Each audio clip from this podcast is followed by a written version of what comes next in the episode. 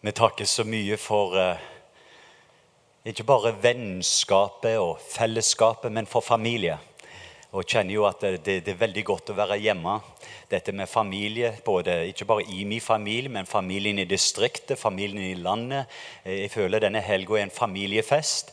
Jeg føler Noen ganger så er det litt vanskelig bare å komme inn ei helg og så skal på en eller annen måte, For det, det er ting som man har gått og så båret på forskjellige ting. og jeg bare satt og tenkte på det, at det, Noen ganger så kan vi få, få så store doseringer på ting som man har brukt. Du går gjennom et, et liv på forskjellige områder, bare seks og et halvt år med ørnen, og så skal man på en time formidle disse tingene. Men, men noe av det som jeg satt og tenkte på i dag morges, og bare kjente wow, Det var et spørsmål som provoserte meg, og da denne sangen og de begynte å synge, så visste jeg med en gang. Og det var egentlig Hva tror du hadde skjedd? Hadde Jesus, hadde Jesus kommet og flytta inn i din kropp? Flytta inn i ditt sinn?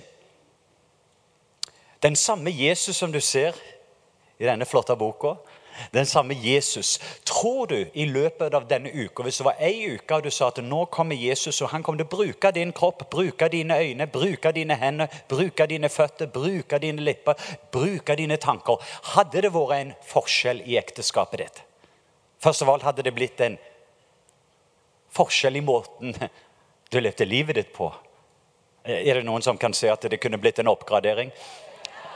Hadde Jesus flytta inn? Det, det, var noen som var ærlige. De andre av dere andre, vi skal gå i skyggen deres etterpå. Og alle kommer til å bli helbreda.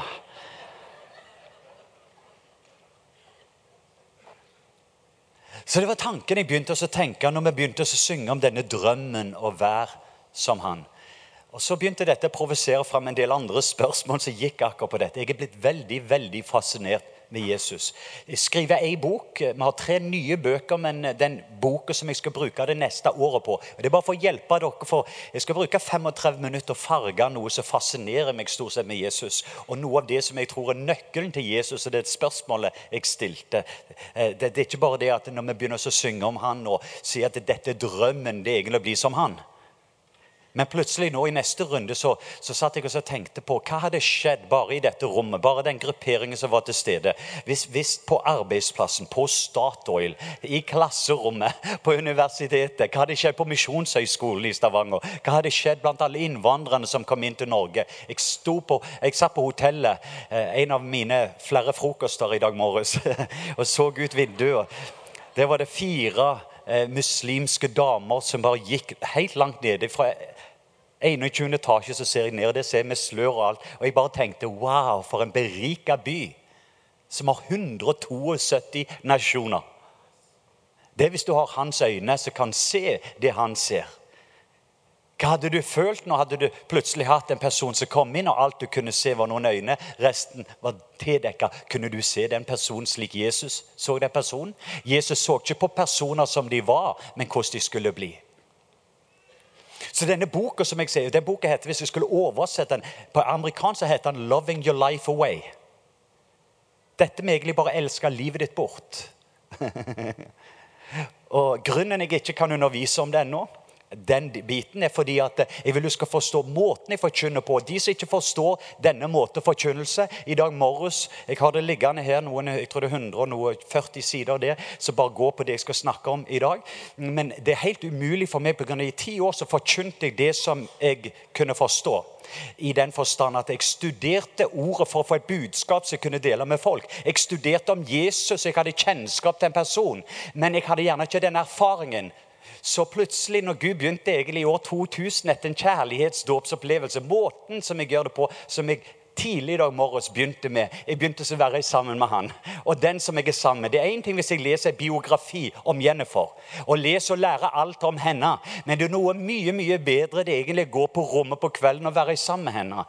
Jeg begynner egentlig å være ett med den personen som jeg lever sammen med. Begynner altså å tenke eh, mer og mer lik slik hun tenker. Jeg vet hva hun tenker på. Jeg vet hva hun føler. Jeg kan ta et lite, jeg kan se på henne, og så, så skjer det en gnist. Det har jeg fulgt med Ole. Nei, det har jeg fulgt med Ole, sier jeg. Nå fikk du igjen for Svein.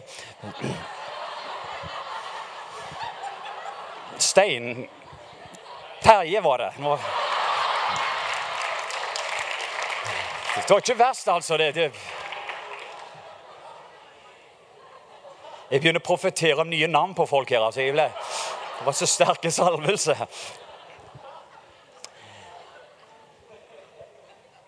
Men vi har vært på hytta i 48 timer. Bare se de to i sammen. altså, wow! Den gnisten osv. De er forelska. Så jeg sier at Måten jeg forkynner på, det er egentlig at det alltid så går inn. Det er to måter du ser Jesus alltid underviste. Enten demonstrerte han noe angående Guds rike, realiteten av det som var himmel på jord, og etterpå så forklarte han det som han hadde nettopp demonstrert. Eller vil du se, eller så underviste han noe og etterpå demonstrerte det han nettopp forklarte om. Det var en umulighet. Bare kun i den vestlige verden på en eller annen slags måte har vi en slags filosofi det er lovt egentlig å studere forretning, og det kan studere og ha en doktorgrad i økonomi og aldri drevet forretning. I Norge så har man lovt egentlig å lese en bok om fotball og kritisere alle fotballspillerne. Aldri vært på banen. I Norge så har man lovt egentlig å ha all kjennskap til denne orda. Og derfor smilte jeg litt fordi at jeg har hatt noen personer som sier at ok, vi, vi forstår ikke helt deg. Hvorfor åpner du ikke denne boka? Så sier jeg at denne boka har ei ku som er død, og et tre som er dødt. Jeg har litt skinn her. Veldig bra, det er ikke det. Men det er ei levende bok. Jeg må forstå, det,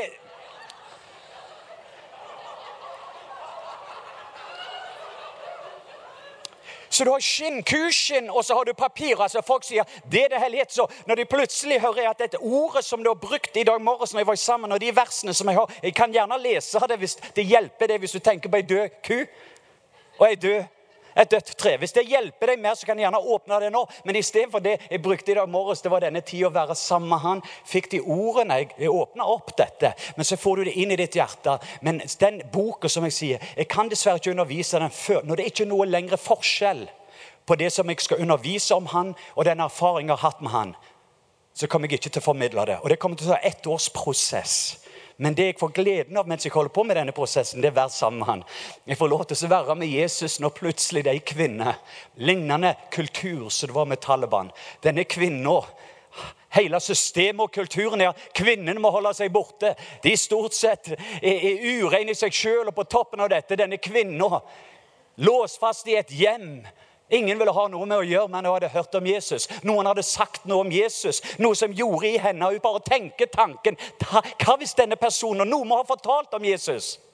Hva er det som gjør at noen vil forlate hjemmet, bryte loven, bryte kulturen, og i neste runde forlate alt og gå etter Jesus, holde øynene på Jesus og tro noe om han, at han har et annet synpunkt, et annet syn på kvinner? Enn det kulturen hadde. Jeg kan være trygg på Jesus. Og jeg vil bare si det til kvinnene som er til stede her. Kvinner kan alltid være trygg på Jesus. De plassene som ikke kvinnene hever opp og blir lagt ned, så har du lite Jesus og mye religiøsitet.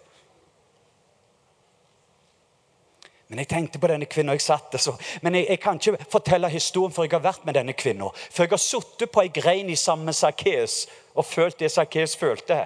Den opplevelsen å være en som på en eller annen måte hadde lurt skattepenger fra alle sammen, og, og ingen likte han osv. Men så kommer Jesus, og jeg blir så fascinert når jeg sitter der oppe sammen med Sakkeus og føler det Sakkeus gjør. Og så plutselig så går jeg videre med Sakkes og Jesus inn i hjemmet. og Den atmosfæreforandringen. Eller Johannes 12. Så det er umulig for meg å lese Johannes 12 og være der i Johannes 12 og gå gjennom Johannes 12 uten å se festen. Der at i Johannes 11 så var det egentlig Lasarus var død. Deres bror var død. Hva er det som egentlig skjedde? Nyheten. Hadde du Jesus vært her, så hadde han ikke vært død. Det er en umulighet for meg å være i den festen der jeg ser Martha med kosten og lage vei oppover tidlig på morgenen, for Jesus skal komme. Og Grunnen med å samle, samle disiplene sammen og så videre, det er egentlig for å feire noe. Og alle vi var akkurat lik Lasarus. Vi var døde, og nå lever vi. det er grunnen vi samler her. Vi har den samme feiring, den fest i dag. Det er egentlig å si egentlig at Jesus han er den han er. Og Det er derfor vi ønsker å være lik han. Så jeg holder på denne prosessen, og da sitter jeg der, og Martha holder på med rundstykkene og lager denne kaka med gule krem. Og så blir det litt marengskake. Og så, videre, så kan jeg kjenne kaffeduften, men Martha er inne der og holder på på kjøkkenet og lager det i stand så jeg tenker på oh, Jesus kommer. Maria hun går der og så ser hun på ei veske. Hun ser på ei flaske som ligger der oppe. Flaske med olje. Den olje er verdt en hel årslønn. 330 000. kroner i norsk forstand. Det hele årslønnen. Hun hadde venta med den Hun hadde venta med den til den dagen. Hør godt etter. Den dagen det skulle være en begravelse, den dagen Jesus, denne vennen som kjente til, den dagen han skulle være borte. Men nå tror jeg hun fikk en ny åpenbarelse. Hvordan fikk hun en ny åpenbarelse? Hun visste jeg kommer aldri til å trenge den en dag når han skal dø på et kors. Fordi han kommer ikke til å være på korset. For den erfaring med Jesus Min bror var død, men nå lever han. Det er en umulighet for meg å undervise om noe som jeg ikke har en erfaringhet med Jesus. og vært sammen. Så jeg skal bruke et år, og jeg holder på å gå der han forandrer atmosfære. Til med dette, bare for å bruke et annet bilde som jeg syns er så veldig flott. Og Det er egentlig et bilde som jeg så i dag morges. Det er dette bryllupet med Ikke bare pga. vinen jeg snakker om dette med vann til vin. Noen av ble litt nervøse der. Jeg liker det òg veldig godt. Når de lærte meg når jeg var liten, en del at det var druesaft Men det som fascinerer meg, det er egentlig at Maria akkurat når hun ser dette problemet at Her er det folk som allerede drukket veldig mye, og Jesus kommer på festen. Og det Jesus gjør, det egentlig at når de har allerede drukket nok, så går han og så gjør han vann om til vin. Men det jeg ser, det som fascinerte meg, var at Maria hadde et sånt forhold til Jesus at det var ikke tenkt å stå veldig klart i ordet. Det skulle ikke ha skjedd. Jesus var ikke klar for å gjøre dette miraklet. Så det Maria gjorde, hun gikk inn i fremtiden og tok noe som skulle være inn i fremtiden. Og så plutselig så forandrer det noe som har med Guds evighetsplan når det kom inn i nåtiden. Les det. Hvordan forandrer man atmosfærer? Hadde Jesus flytta inn i deg og meg, levd sitt liv? Elske på den måten som bare han kan elske. Se på folk bare den måten han kunne se på. rett blikk. Jeg har sett på disse kvinnene, jeg har sett det i øynene hans. Det gjorde noe med dem. Bartimeus står opp om morgenen. Hele livet sitt så har han stått der som en tigger. Han har vært blind. Han ligger der med sosialteppet sitt der. Det var den eneste måten du fikk sosialtrygd da. Når jeg ser det, så jeg vil bare ikke at du skal kritisere meg når jeg forteller alle historiene. Jeg har vært i ordet, jeg har vært på vandringer, jeg har vært i prosesser sammen med Jesus. Og grunnen jeg tenkte på det jeg lå i dag, og så bare tidlig da morges så begynte jeg å reise sammen med Jesus igjen. er det det skrevne ordet eller er det det levende ordet? Dreier det seg om en person som jeg har kjærlighetsforhold til? Eller er det en biografi å lære om Jennifer? Kan si alt om henne, men kjenner henne ikke. Og Jeg sier dette bare for å utfordre oss i dag. Hva hvis Jesus hadde blitt deg? Hadde det blitt noe forskjell, tror du, i byen Stavanger? Hadde det blitt mer håp for de syke? Bartimeus, her er han blinde med tiggeren, sosialteppet. De sitter der og roper ut 'Jesus! Jesus! Du Davids sønn, miskunn deg over meg!' Folk Hysj! 'Jesus, Davids sønn, miskunn deg over meg!' Plutselig Gud, som var 100 menneske, men samtidig et menneske som var 100 Gud. Plutselig så hører rop på en. Hele livet har han sittet der. Men noen må ha fortalt han om Jesus. Jeg vet ikke om han var på alfakurs, men noen må ha sagt noe som gjør at det, hva var det egentlig som gjorde at Bartimeus ville være det? Blinde hadde aldri sett. Men noen har forklart at jeg vet jo hvor blind hele livet. Men jeg vil fortelle det. Jesus er på vei. Du kan høre sikkert massen, og da vet du. Bare rop ut eller etter han. Men vi har hørt om andre personer når de var i den situasjonen. Når de fikk en møte med Jesus. Wow! Jesus! Og så husker vi historien. Han la sosialteppet nede før han ble øynene åpne opp. Han visste får jeg bare oppmerksomheten til Jesus. Et lite øyeblikk. Et øyeblikk at Jesus bare Får jeg oppmerksomheten til Jesus, så trenger jeg ikke ha noe som sier jeg kommer til å se. Er ikke det fantastisk? Men jeg bare begynner å tenke, nå provoserer vi fram, for jeg ser, fordi at nå begynner det å strekke meg mot det neste som jeg ønsker å gå inn i. Hva var det egentlig med Jesus? Hva var egentlig hemmeligheten til Jesus? Hvis spørsmålet kommer til deg, så sier jeg, hvem er det du sier Jesus er? Hvis du tenker på Jesus, hvis du ser på Jesus, ser du på Jesus-filmen. Vi synger om Jesus. Og drømmen det egentlig være sånn som han. Hvis han er helten, hvis han er den personen som Mahatma Gandhi sa Hvis noen viser meg Jesus, så kommer jeg til å bli en kristen. Hvem er denne personen? Nummer én i hele verden. Muslimene lurer på er det noen som skal vise oss hvordan Jesus er. I kveld skal du få se. De stiller spørsmål, de har et bilde på han. Men jeg kan ikke tro at han er her nå. Vet du, Det du vil se i kveld, der du ser noen av 22 000 som kommer til stede og tar imot Jesus, vet du hva det var for noe? Vi gikk og annonserte i et område der det aldri har vært Jesus. 1,5 millioner mennesker i dette området. Det er ingen menighet. Alt vi sa det egentlig at Jesus skal komme hit. Her er datoene. Kom på denne stadion, denne cricket-stadion, og så skal du få møte Jesus. Så sa vi ta med dere de lamme, ta med dere de blinde, ta med dere de spedalske, ta med dere de som har polio. Ta de med. Fordi Jesus skal være der. Og Folk kommer med mange årsaker. Noen kommer for å drepe deg, andre kommer det fordi de egentlig sier nei, Jesus kan ikke være Det kan ikke være sant. Ja, Men han er død. Han var jo bare en profet. Og det er mange forskjellige synspunkter, men folk kom 7000 den første kvelden. Bang, så det er ei jente som ikke har noe øyne. Alt er hvitt. Hun kommer seg nærme seg opp der. Faren holder så begynner Jesus å skape nye øyne for henne foran folket. Og Så begynner det neste bildet. Denne karen han kryper som et dyr. Han ligger hele livet. Han kryper oppover. Og når han nærmer seg scenen, så har han et møte med Jesus og begynner leddene foran folket. Jeg må jo si det at, eh, Er du enig i at Jesus er den samme i går, i dag og til evig tid? Han fascinerer meg. Det er noe med Jesus som fascinerer meg. Når vi står der oppe første dag, og det er første kveld, forkynner jeg egentlig og det vil si, Jeg snakker om Jesus som fredsfyrste. Den andre sier når Jesus kommer, så skjer det alltid gode ting. Det er det andre budskapet en annen kveld. Da snakker jeg alltid om godhet. Når Jesus kommer, så skjer det gode ting. Derfor er det en god nyhet. Jeg kom med god nyhet. Jesus er her nå. Andre kveld 14 000 mennesker.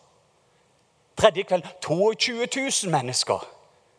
Det er jo flott menighetsvekst i et område der det ikke har vært én person. Ingen misjonærer har klart å nå det inn.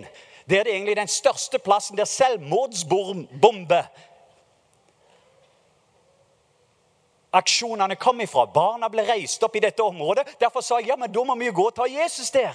For han er jo verdens lys, og det er jo så mørkt. Og I kveld skal du få se det. Men så fortsetter denne tanken. Men nå er det som provoserer meg. Og da bruker jeg akkurat Dere kan slappe av, for i dag er jeg veldig fokusert. Fordi at jeg skal ha lunsj klokka ett.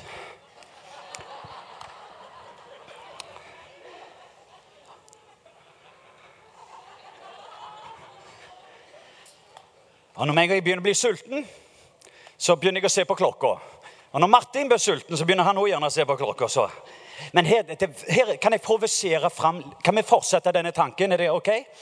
At det, Hva hvis du og Nå begynner det å provosere meg, for nå begynner man å se plutselig på en hellig ånd som har blitt. Så begynner Jesus å si noe, og det var det verset som kom til meg, som begynte å provosere meg i dag morges. Så la oss bare se på et par vers sammen. Jeg kunne sagt det, men igjen, da sier jeg det på amerikansk, oversetter det på norsk. Og noen av dere eh, kanskje vil ikke få akkurat den samme forklaringen, Og jeg vet at det kan være en liten sånn en eh, Leif paraphrased version, som vi sier.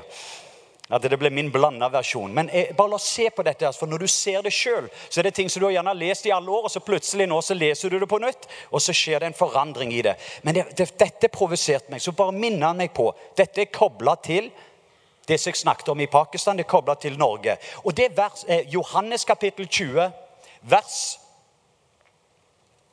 La oss lese fra vers 21. Og vi skal lese til og med vers 23. Jeg er veldig sjenerøs. Normalt sett hadde jeg bare gitt dere ett vers. I dag skal dere få tre vers. Så det er sjenerøst. Og Hvis dere er veldig greie, hvis dere klarer å ta imot de tre versene, så gir dere enda flere vers. For jeg har to til vers jeg har tenkt å gi dere, men det har noe om dere klarer å ta imot disse versene først. Vi må være trofast i lite før vi kan få mer. Har du det greit? Og jeg tror vi må hjelpe. Det var et par ansikt her. De var Bare smil et lite øyeblikk, og så bare vinker dere bort her. Bare for å se at det Bare Ikke la Jesus skremme deg. Bare ikke bli nervøs på han. Jeg vet han gjorde mange folk nervøse. Mange folk ble nervøse på Jesus. Det som gjorde meg, som begynte å gjøre meg litt nervøs når det gjaldt Jesus, det er når han begynte å si en del ting som han sa her. Og det står det igjen. Igjen, sa Jesus. Jeg har mange forskjellige vers, men jeg bare gir deg noe. Igjen, sa Jesus. Fred. Og det vil vi alle ha, vil vi ikke det? Fred være med dere.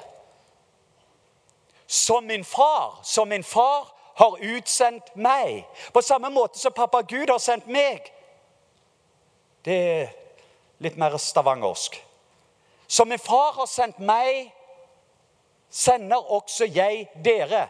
Jeg vil du skal si det. Si, si dette med si. Som far har sendt Jesus, så har Jesus sendt meg. Så har Jesus Så tar du navnet ditt, sendt Leif. Er ikke det flott?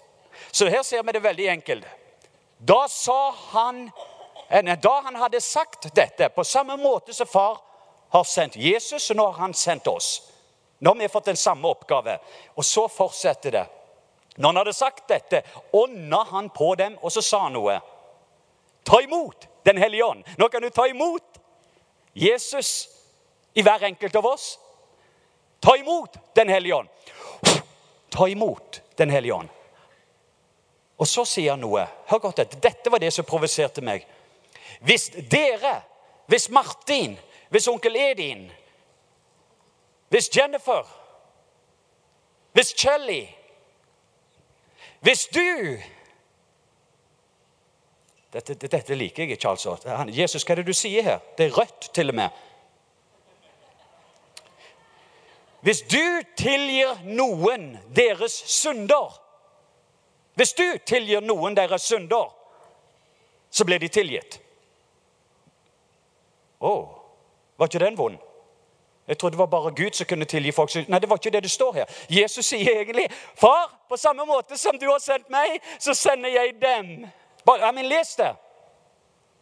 Og Så sier han på samme måte nå, nå, nå gir jeg de Den hellige ånd. Nå blir det Jesus som er boende i hver enkelt av oss. Og så sier han nå skal du få en tjeneste. Og den tjenesten det er egentlig å være som en ambassadør. Du skal representere. Jeg går opp til Faderen, sitter ved Faderens høyre hånd, og så gir jeg dere et ansvar på samme måte far som du sendte meg. Så nå skal de få være i en tjeneste at hvis du, du og meg, begynner å tilgi syndene til folk, så plutselig sier Gud det ble tilgitt. Men så står det noe annet som på en måte har den motsatte. Og det er det en tanke som jeg har. Hvis dere fastholder syndene for noen, hvis dere, ikke hvis Gud, ikke hvis Jesus, men det står hvis dere jeg vet ikke om det provoserer deg. Det provoserer deg litt? Den måten å tenke på. Så nå er det plutselig Hvis du, hvis dere fastholder syndene for noen, så er de fastholdt. Så da er mitt spørsmål, bare for en liten tanke bare på dette, og så skal jeg gi dere en liten tanke og gå rett inn på dette siste verset med kjærlighet står på nøkkelen til Jesus. Dette provoserer meg litt i USA. Jeg reiser i USA og skaper litt provokasjon som en nordmann. Gjør det med stor glede. Jeg representerer dere. Og her er det som provoserer meg. Overalt i USA så mange folk blir veldig spesielt de religiøse blir veldig irritert på meg. fordi at eh, når Jesus kommer, de religiøse liker ikke dette. Og når ikke de liker det, så begynner jeg å bli veldig begeistra. Jeg har fått mange steiner som resultat. Men denne tanken er det som provoserer. Fordi at jeg er sammen med noen av nøkkellederne i USA. Alt du trenger være, er egentlig en profet. Gamle testament-profet. Med Gamle testament og i avis.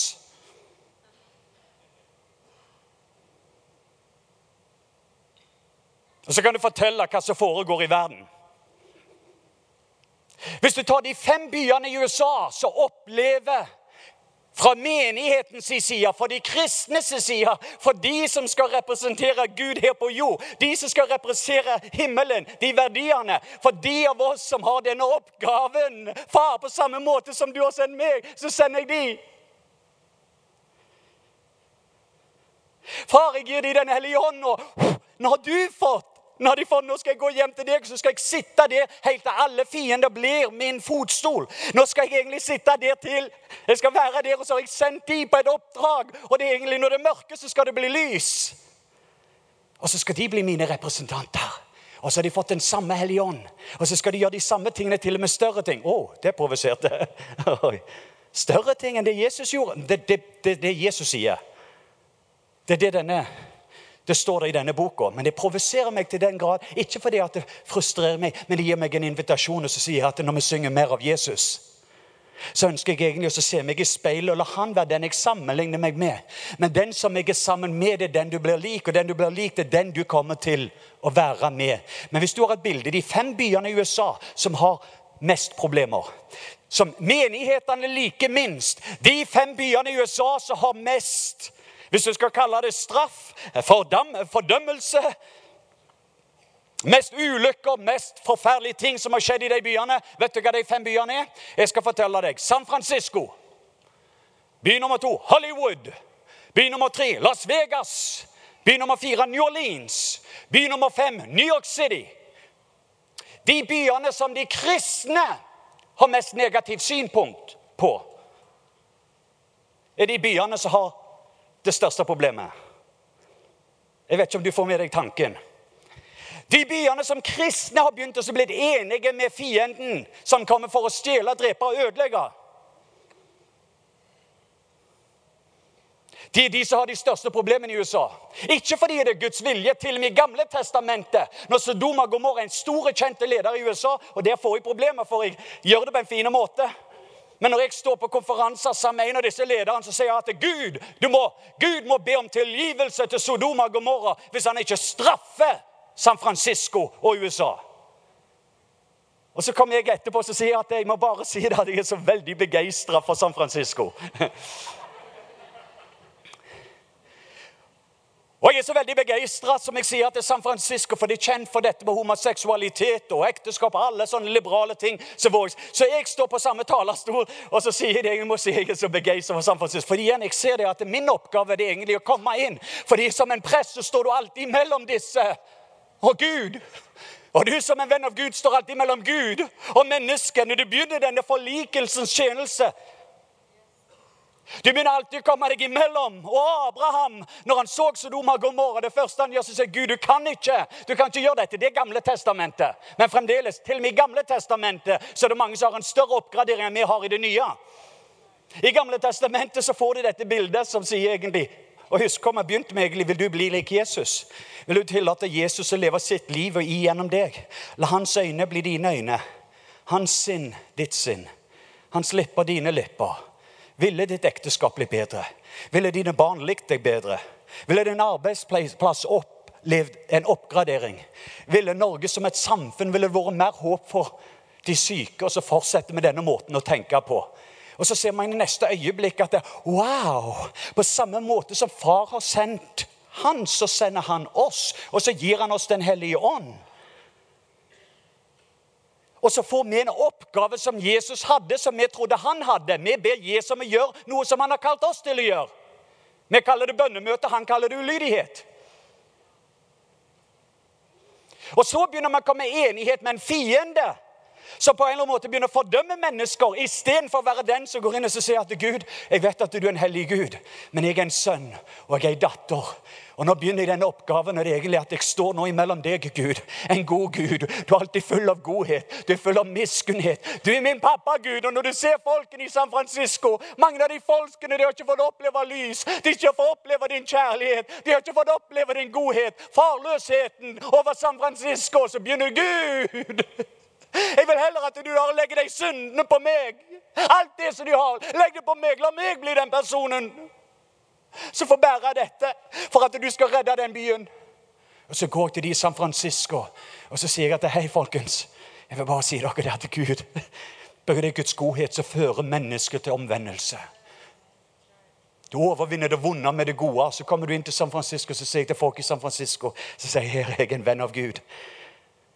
Og så begynner jeg å gjøre noe som Gud har kalt meg til å gjøre. Så sier jeg at eh, jeg vet at dere sliter med alle disse forskjellige tingene, men en god Gud. Det var det Abraham. Problemet i San Francisco og det problemet som var i Sodoma og Gomorra, det var egentlig at du hadde ikke nok rettferdige. Spørsmålet var ikke hvor mange syndere du hadde i byen, men har vi 50 rettferdige, har vi 40 rettferdige, har vi noen få lys her, så kan vi forandre mørket. Jeg vet ikke om du får tanken.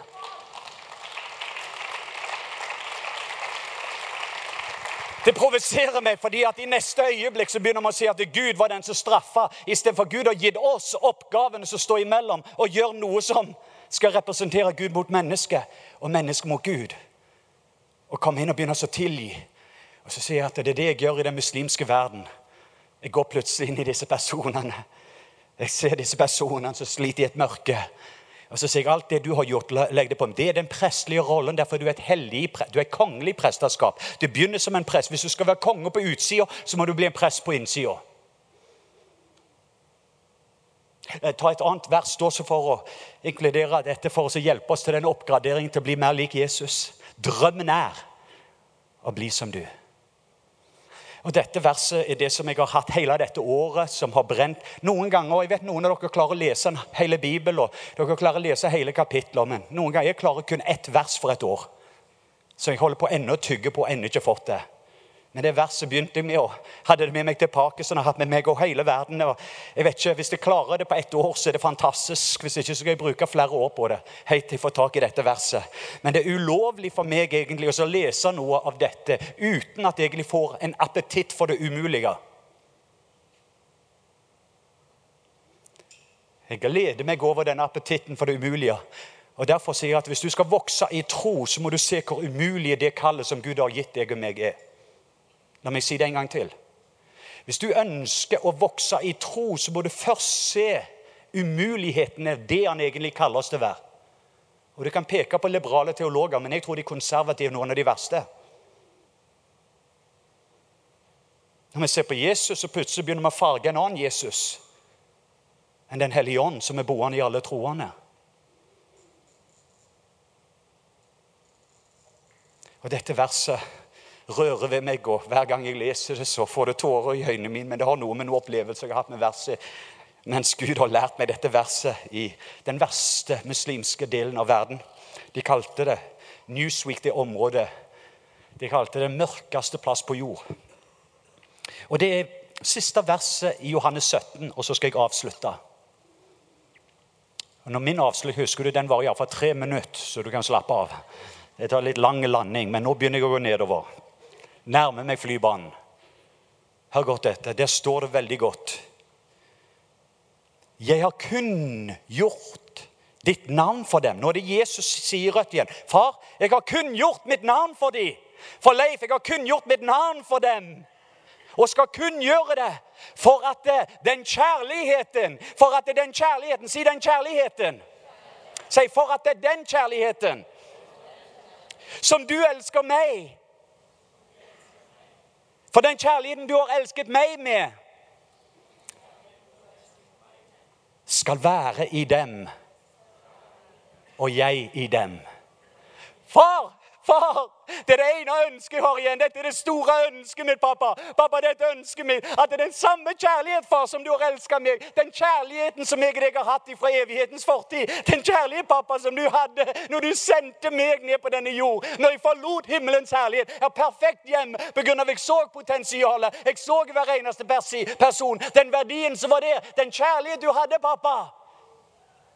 At den kjærlighet skal være i den. Det er min nummer én bønn som Jesus har igjen. Da avslutter denne high priestly prayer. Jeg vet ikke om det provoserer deg, men det provoserer meg til en oppgradering. Jeg kan ikke gå videre uten at jeg får det verset. Far! Jeg ønsker, far, jeg lengter. Far, mange forskjellige oversettelser. Men far, jeg ønsker å kunngjøre hvem du er, pappa. Og måten jeg kunngjør det, egentlig, det er egentlig at måten jeg kunngjør ditt navn, det er egentlig at det er den samme kjærlighet som du har vist meg. For det er ingenting som er større. At den kjærligheten skal få lov til å være i Leif. Den kjærligheten skal være i Jennifer. Den kjærligheten skal være i deg. Den kjærligheten som elsker menneskene på tross av. Den kjærligheten mens de var fremdeles syndere, så kom jeg, og så dør jeg for dem. Det var mens de var fremdeles skitne. De trengte ikke være rene for oss å ta et bad. Den kjærligheten skal være i dem, og jeg i dem. Christ within you, the hope of glory. Congratulations. Kristus i deg. Guds herlighet. Og Så gir jeg dere to til, men jeg sitter her, og bare den sangen klikker noe, forandrer, bang. Og så begynner jeg også å tenke, så nå er det inne på avlandingen. Hvem sier du jeg er? Dette er hemmeligheten. Simon Peter, nå har du gått med meg i tre år. Simon Peter, nå har du reist sammen med meg. Du har sett at jeg reiser de døde. Du har sett at jeg med en liten matpakke så mater jeg 5000. Du har sett de tolv kurvene. Du har sett at jeg er en apostel, du har sett at jeg er en profet, du har sett at jeg er en pastor, lærer, du har sett at jeg er en evangelist, du har sett at jeg er livets brød. du har sett men nå er spørsmålet det spørsmålet, for hvis ikke du får det spørsmålet på svar, så hjelper det ikke. Da kommer du aldri egentlig for å kunne få. Det er ett spørsmål som alle må få klar. Hvem sier du jeg er? Og det første så er spørsmålet med, hvem er det du sier han er? Først så vil jeg høre hva folk sier han er. Men nå kommer spørsmålet til deg. Hvem sier du Jesus er? Hva er egentlig den spesielle sausen i Jesus' sitt liv som gjør at folk får smake og se at Gud er god? Hva er det egentlig som gjør at syndere kommer til Jesus? Hva er det egentlig som gjør egentlig at alle disse kvinnene, til og med denne prostituerte, vil komme inn på eldsterådsmøte og begynne å kysse og vaske føttene? Og Hvordan kan en sånn mann tillate dette? Hva er det som gjør? Når jeg ser ham på et kors, og når jeg ser at han ser ned, og der er det disse kvinnene igjen det er litt studie, studie om kvinner i dag morges og Jesus. Men hva er det som gjør når han ser ned? Er det måten jeg ser på dem? Hvordan så jeg på de prostituerte? Hvordan ser du på jeg da som har hatt alle disse skilsmissene? Hvordan er det egentlig jeg ser? Når jeg synger 'Jeg vil bli som deg', alt jeg har og er, og drømmer om å være slik som du. Hvem sier du jeg er? Simon første begynner for at dette er det folk sier du er. Noen sier du er som en Elier, noen sier ditt, og du er som Johannes døp. Det var ikke spørsmålet. Denne gangen, Simon, nå har du vært i samme for de siste tre årene. Nå har du vært på møte, nå har du vært på konferansen, nå har du gått på Akta bibelskole. Nå har du vært her i Imi kirke mange år. Nå har du vært på alfakurs. Nå har du vært her, nå kommer du gjerne for første gang. Men hvis du er her for første gang, når du tenker på Jesus, når du ser på Jesus, hvem sier du han er? Og denne gang så får Simon en himmelsk åpenbarelse. Normalt så vil han si 'Å, her er det jeg ser'. Og så begynte vi som mange av oss ville gjort. Men denne gang så var han litt lure. Han gikk fra stol nummer to for de som har vært på konferansen, inn til stol nummer én. Og så fikk han en farsåpenbarelse fra himmelen mot jord. Og så står det egentlig du er Hør godt dette. Dette er veldig viktig nødvendig. Det forandrer livet mitt i denne kjærlighetsopplevelsen.